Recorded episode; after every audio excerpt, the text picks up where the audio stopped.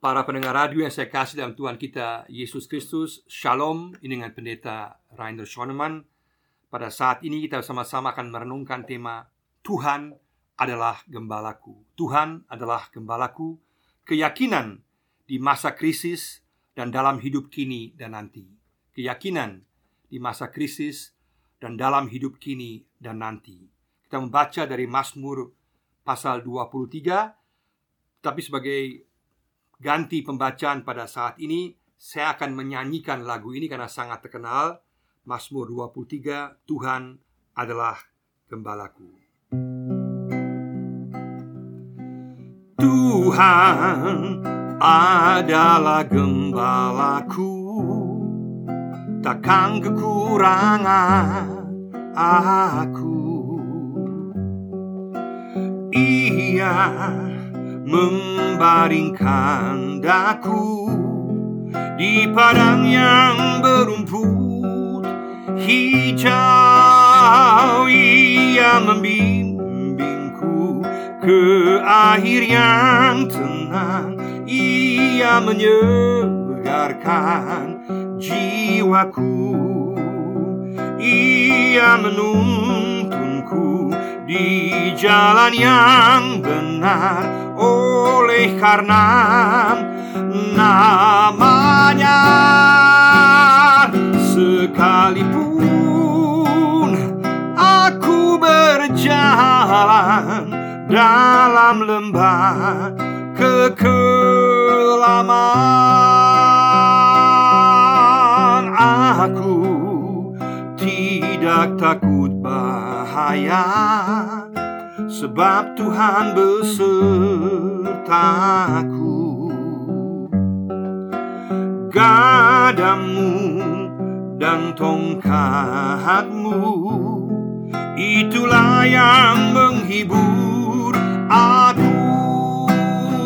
Engkau menyiapkan hidangan bagiku Di hadapan semua lawanku.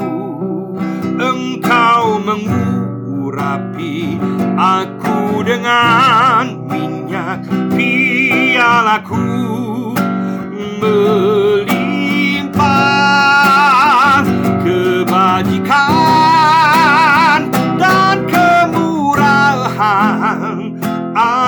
mengikuti aku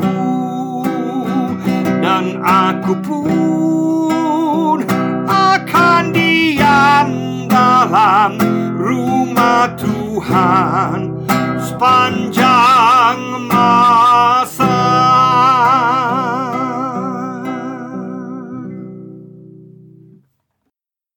Tuhan adalah gembalaku, keyakinan di masa krisis dan dalam hidup kini dan nanti.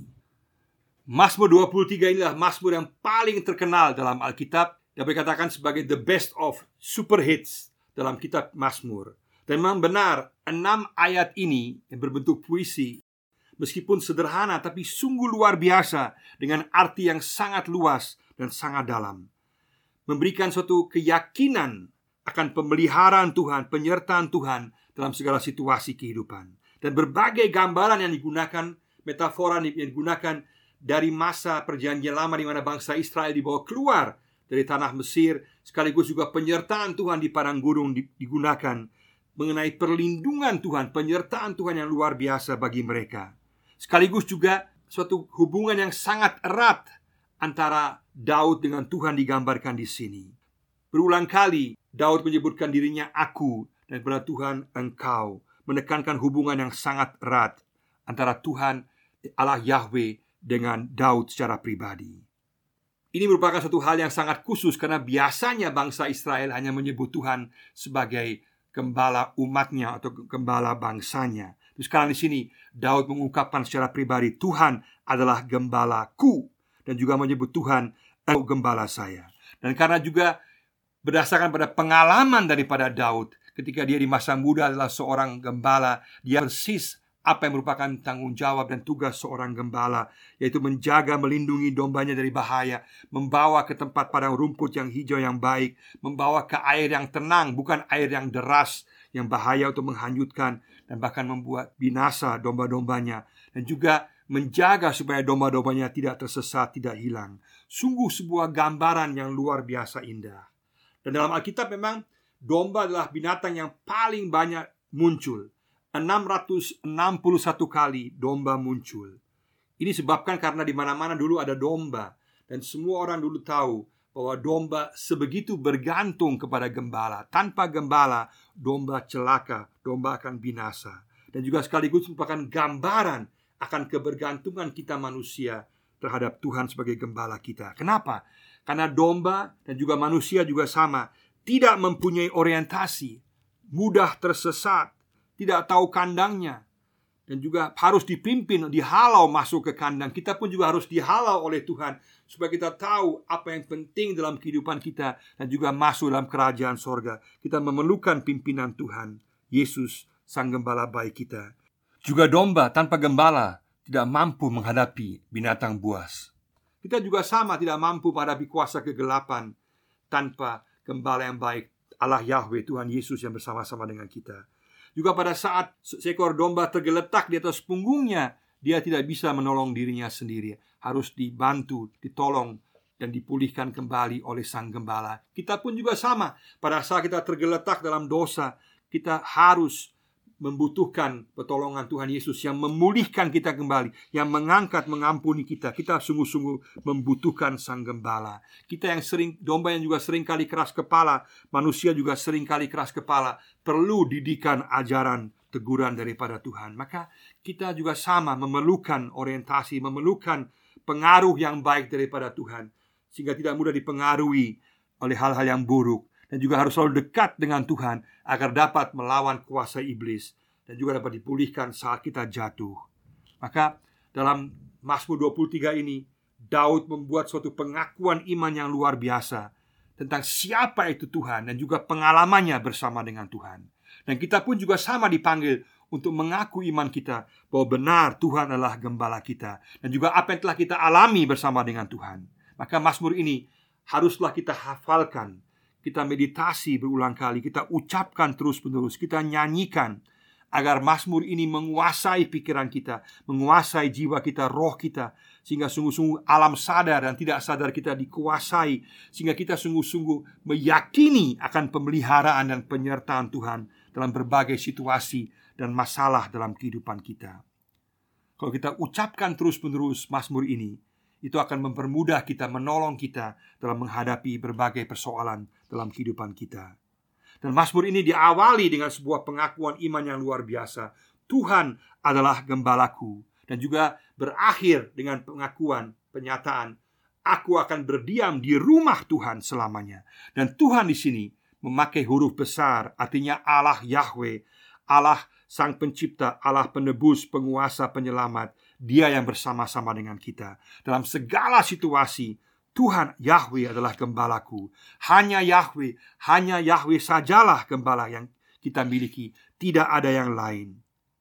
Dan bagaimana kemudian sang gembala ini Yahweh ini menunjukkan kasihnya, kemudian juga nampak lebih jelas lagi dengan kedatangan Yesus ke tengah-tengah dunia ini, di mana Yesus mengorbankan dirinya bagi kita, menebus dosa manusia. Dia melayani kita, sehingga setiap orang yang percaya kepadanya boleh mengalami keselamatan dari Yesus dan dia berjanji untuk mau menjadi gembala baik kita dalam kehidupan kita. Pertanyaan bagi kita adalah siapakah gembala baik kita? Siapakah gembala kita? Siapakah yang menyetir kita? Siapakah yang membuat keputusan dalam kehidupan kita, yang mengendalikan hidup kita? Mari sama-sama kita katakan di hadapan Tuhan, Tuhan Allah Yahweh dalam Yesus Kristus Engkaulah gembala hidupku. Engkaulah pusat orientasi hidupku. Yesus mengatakan, "Akulah gembala yang baik. Aku mau mengakui Engkau Yesus, Allah Yahweh, sebagai gembala baik hidupku."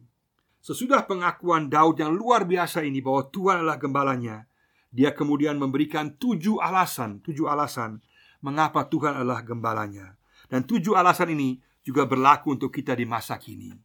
Yang pertama adalah Tuhan mengenal aku Ayat 1 Tuhan mengenal aku Takkan kekurangan aku Bersama Tuhan dia tidak akan kekurangan Ini merupakan sebuah pernyataan iman bahwa Tuhan mengenal dia, menyelamatkan dia secara total, baik secara rohani maupun secara jasmani.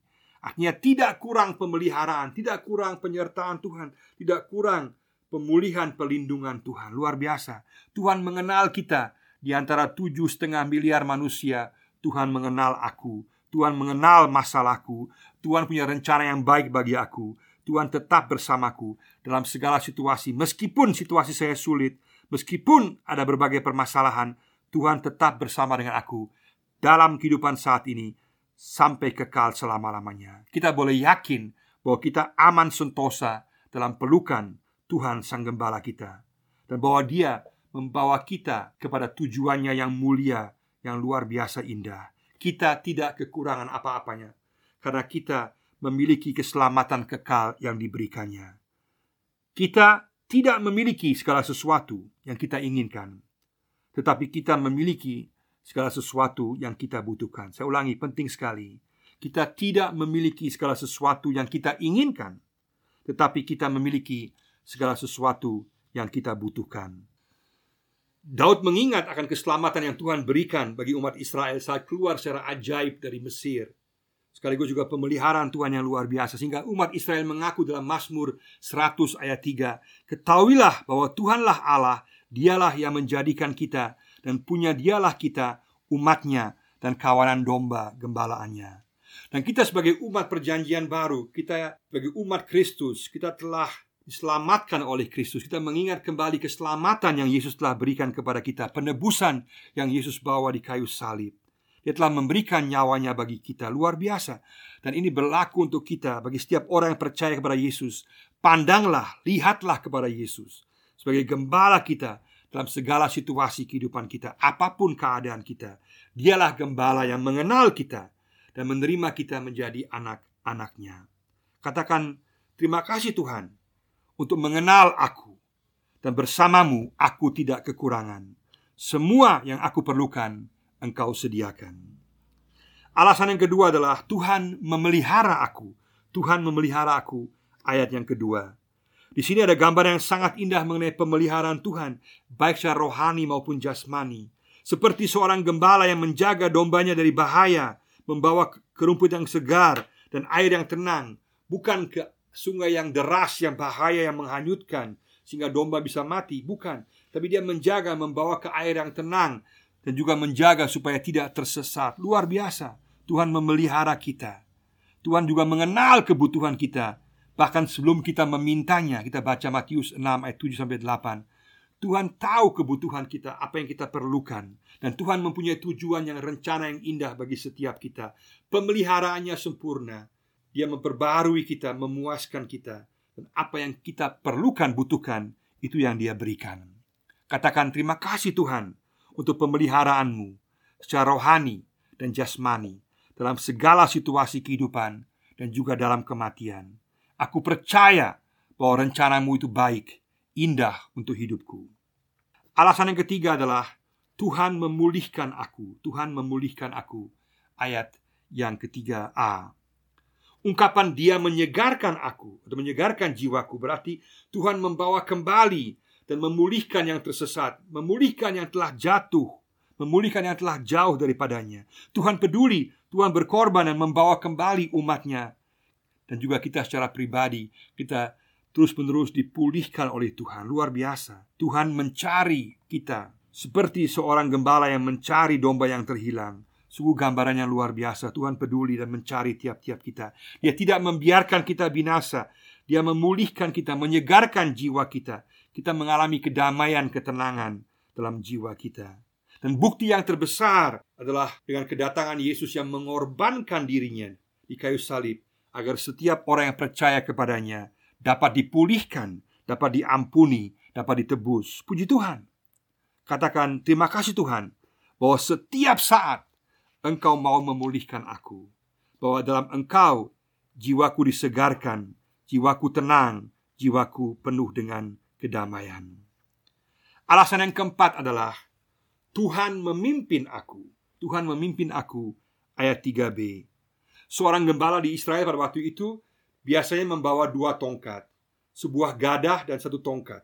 Artinya gadah yang terbuat dari kayu yang keras dan diperkuat dengan besi di atas di bagian atas untuk melawan dan juga menghalau binatang-binatang buas.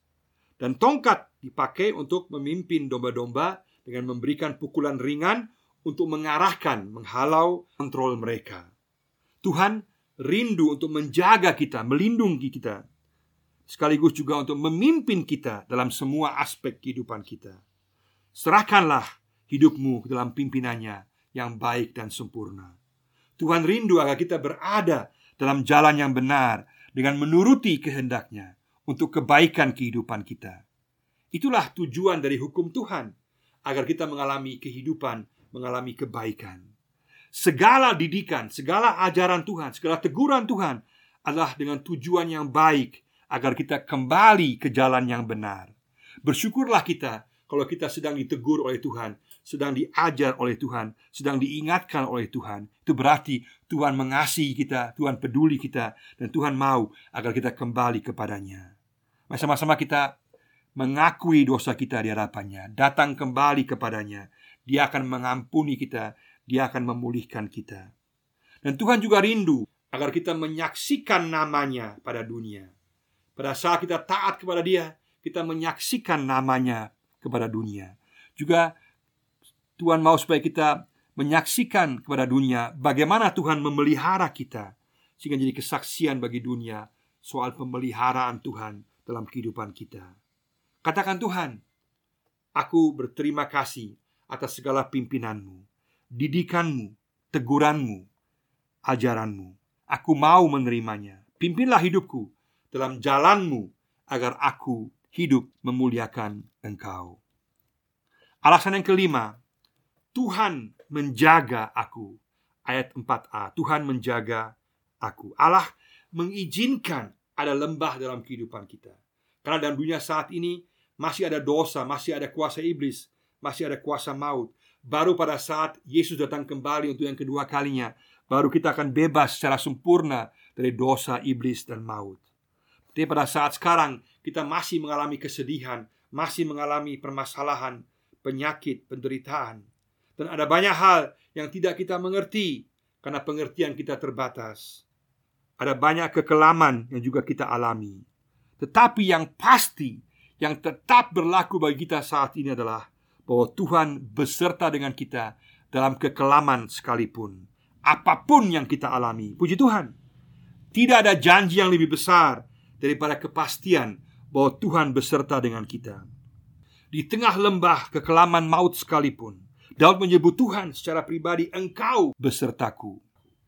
Kenapa Daud tidak takut? Karena Tuhan yang memegang kendali, Tuhan yang menguasai hidupnya, Dia mengontrol hidupnya, Dia memiliki rencana yang baik untuk kehidupannya. Saat kita tidak tahu, Tuhan yang tahu. Saat kita tidak mengerti, Tuhan yang mengerti. Saat kita kehilangan arah, Tuhan meyakinkan kita bahwa kita hidup dalam tangannya yang baik dan masa depan kita cerah indah. Seorang filosof besar Jerman bernama Immanuel Kant pernah mengatakan, "Aku telah membaca banyak buku yang pintar dan hebat, tetapi di dalamnya aku tidak menemukan sesuatu apa pun yang membuat hatiku tenang dan bersuka cita selain tiga kata dalam Mazmur 23 ini, sebab engkau besertaku." Karena Tuhan, Sang Pencipta, Sang Juru Selamat yang mengatakan ini, kita boleh yakin dan percaya dan merasa tenang. Katakan, terima kasih Tuhan bahwa setiap saat dalam segala keadaan Engkau menjagaku dan tujuanmu indah bagiku. Meski aku berada dalam lembah kekelaman dan maut sekalipun, aku tidak takut karena Engkau beserta denganku dan itu cukup bagiku. Alasan keenam adalah Tuhan menghibur aku. Tuhan menghibur aku. Ayat 4b. Gadah dan tongkat adalah gambaran untuk kuasa perlindungan Tuhan dan juga pimpinan Tuhan yang adalah dasar daripada penghiburan sejati. Kita dihibur oleh Tuhan, merasa dihibur oleh penghiburan sejati Tuhan karena Tuhan memiliki kuasa perlindungan dan Tuhan yang memimpin kehidupan kita. Ini juga berlaku untuk setiap kita. Kita boleh tahu bahwa kita berada dalam kuasa perlindungan Tuhan dan berada dalam pimpinan Tuhan dan itu membuat kita menjadi terhibur menjadi kita tenang, membuat kita ada kepastian bahwa Tuhan yang menjaga kita melawan serangan iblis dan tidak akan membiarkan kita binasa. Tuhan juga akan memimpin langkah-langkah hidup kita. Juga berarti bahwa Yesuslah gadah dalam kehidupan kita karena dia telah menghancurkan kuasa iblis. Dalam 1 Yohanes 3 ayat 8b dikatakan tentang Yesus, "Untuk inilah anak Allah telah menyatakan dirinya, yaitu supaya ia membinasakan perbuatan-perbuatan iblis itu." Yesuslah gadah kita. Bersama Tuhan Yesus, kita dapat melawan kuasa iblis. Dan ini menguatkan kita, ini menghibur kita. Inilah penghiburan sejati. Kita juga dihibur oleh Tuhan. Kita boleh tahu bahwa kita tidak akan binasa. Tuhan tidak akan membiarkan kita binasa. Ia akan selalu mendidik kita, menegur kita, mengkoreksi kita agar kita selalu kembali kepadanya dan kita memiliki keselamatan. Puji Tuhan. Katakan, "Terima kasih Tuhan untuk penghiburan sejati darimu. Terima kasih bahwa bersama dengan Engkau aku terlindungi dan dapat melawan kuasa iblis. Terima kasih Tuhan bahwa Engkau mengajar aku sehingga aku selalu kembali kepadamu dan memperoleh keselamatan. Dan alasan yang terakhir, yang ketujuh adalah Tuhan memuliakan aku. Tuhan memuliakan aku. Ayat 5 sampai 6. Di sini Daud berbicara mengenai masa depan yang indah bahwa kita akan dijamu oleh Tuhan dan jamuan yang luar biasa ini adalah gambaran bahwa kita adalah sahabat-sahabat Tuhan. Setiap orang yang percaya kepada Yesus, percaya kepada Allah Yahweh, dia akan berada dalam jamuan kekal yang luar biasa. Kita adalah sahabat-sahabatnya. Dan pengurapan dengan minyak adalah gambaran kemuliaan, sukacita, dan damai yang Tuhan berikan kepada kita. Piala yang melimpah menggambarkan kehidupan yang penuh yang Tuhan berikan. Sungguh luar biasa. Juga kebajikan dan kemurahan yang telah Tuhan tunjukkan kepada umat Israel dan juga pada Daud secara pribadi masa lalu akan terus dia alami di masa depan dalam kekekalan selama-lamanya. Hal yang sama juga berlaku untuk kita. Segala kebajikan, kemurahan yang Tuhan telah lakukan dalam kehidupan kita Saat kita memandang ke belakang Maka kemurahan Tuhan, kebaikan Tuhan Juga akan mengikuti kita dalam kekekalan kita akan mengalami kebaikan kemurahan Tuhan yang luar biasa. Dan puncaknya kita akan tinggal dalam sorga bersama-sama dengan Yesus selama-lamanya. Yesus mengatakan dalam rumah Bapakku banyaklah tempat dan di mana aku berada kamu juga akan berada. Sungguh sebuah janji dan kepastian yang indah dan luar biasa. Dalam Roma 8 ayat 38 dan 39 dikatakan bahwa tidak ada kuasa apa pun yang dapat memisahkan kita dari kasih Tuhan Yesus. Puji Tuhan, ada janji kasih Tuhan yang memuliakan kita. Pada akhirnya, akhir hidup kita, kita akan dimuliakan oleh Tuhan. Saat ini, kita telah menjadi anak Tuhan, dan pada puncaknya, Tuhan akan memuliakan kita bersama-sama dengan Dia. Sungguh luar biasa. Ingatlah dan ucapkanlah selalu sebagai pengakuan dan keyakinan di hadapan Tuhan. Tuhan Engkaulah gembalaku. Tuhan, engkaulah gembalaku. Hanya engkaulah gembalaku. Aku memiliki segala sesuatu yang aku perlu. Aku tidak memiliki segala hal yang aku inginkan Tapi aku memiliki segala sesuatu yang aku perlu, yang aku butuhkan. Engkau mengenal aku Dan aku dipelihara oleh Tuhan. Aku memiliki kelegaan bagi jiwaku. Aku selalu dipulihkan oleh Tuhan. Aku boleh kembali kepada Tuhan Diampuni, dipulihkan oleh Tuhan Aku memiliki perlindungan Tuhan. Tuhan menjaga aku melawan kuasa-kuasa kegelapan. Dalam segala situasi kehidupan, kini dan kekal selamanya, aku berada dalam tangan Tuhan yang melindungi aku. Aku tahu aku terlindung dalam Tuhan. Aku memiliki pimpinan Tuhan. Aku dipimpin oleh Tuhan baik dalam perjalanan ke sorga sekaligus juga dalam pimpinan kehidupan sehari-hari kita dalam mengambil keputusan dalam berbagai situasi kehidupan aku boleh mengandalkan pimpinan Tuhan lewat kuasa Roh Kudus. Aku memiliki kebaikan Tuhan. Aku telah mengalami kebaikan Tuhan di masa lalu, dan Tuhan juga akan memberikan kebaikan di masa yang akan datang. Dan pada puncaknya, aku memiliki rumah kekal yang abadi dalam kemuliaan Tuhan. Aku memiliki tujuan hidup yang jelas. Segala hal yang indah di dunia ini luar biasa, tapi yang paling indah, yang paling sempurna yang merupakan tujuan ultimatif, tujuan akhir kita adalah rumah kekal yang abadi dalam kemuliaan Tuhan. Katakan Tuhan, Engkaulah gembalaku. Allah Yahweh, Yehoshua, Yesus Kristus, Engkaulah gembalaku. Aku mau menyerahkan hidupku ke dalam tanganmu. Aku mau selalu hidup bergantung kepada Engkau, mengandalkan Engkau, baik dalam situasi krisis kehidupan saya saat ini, dalam situasi keadaan apa pun saat ini, dan juga dalam kehidupan nanti masa depanku, sekaligus juga dalam kekekalan. Tuhan Yesus, Engkaulah gembalaku. Engkau yang pada akhirnya Engkau yang melindungi, memelihara, memimpin, menyertai, memberikan kebaikan dan juga memberikan kepadaku kemuliaan kekal dalam rumah sorga yang abadi bersama-sama dengan Yesus kekal selama-lamanya. Tuhan memberkati kita semua yang menjadikan Tuhan sebagai gembala dalam kehidupan kita. Tuhan memberkati kita. Amin.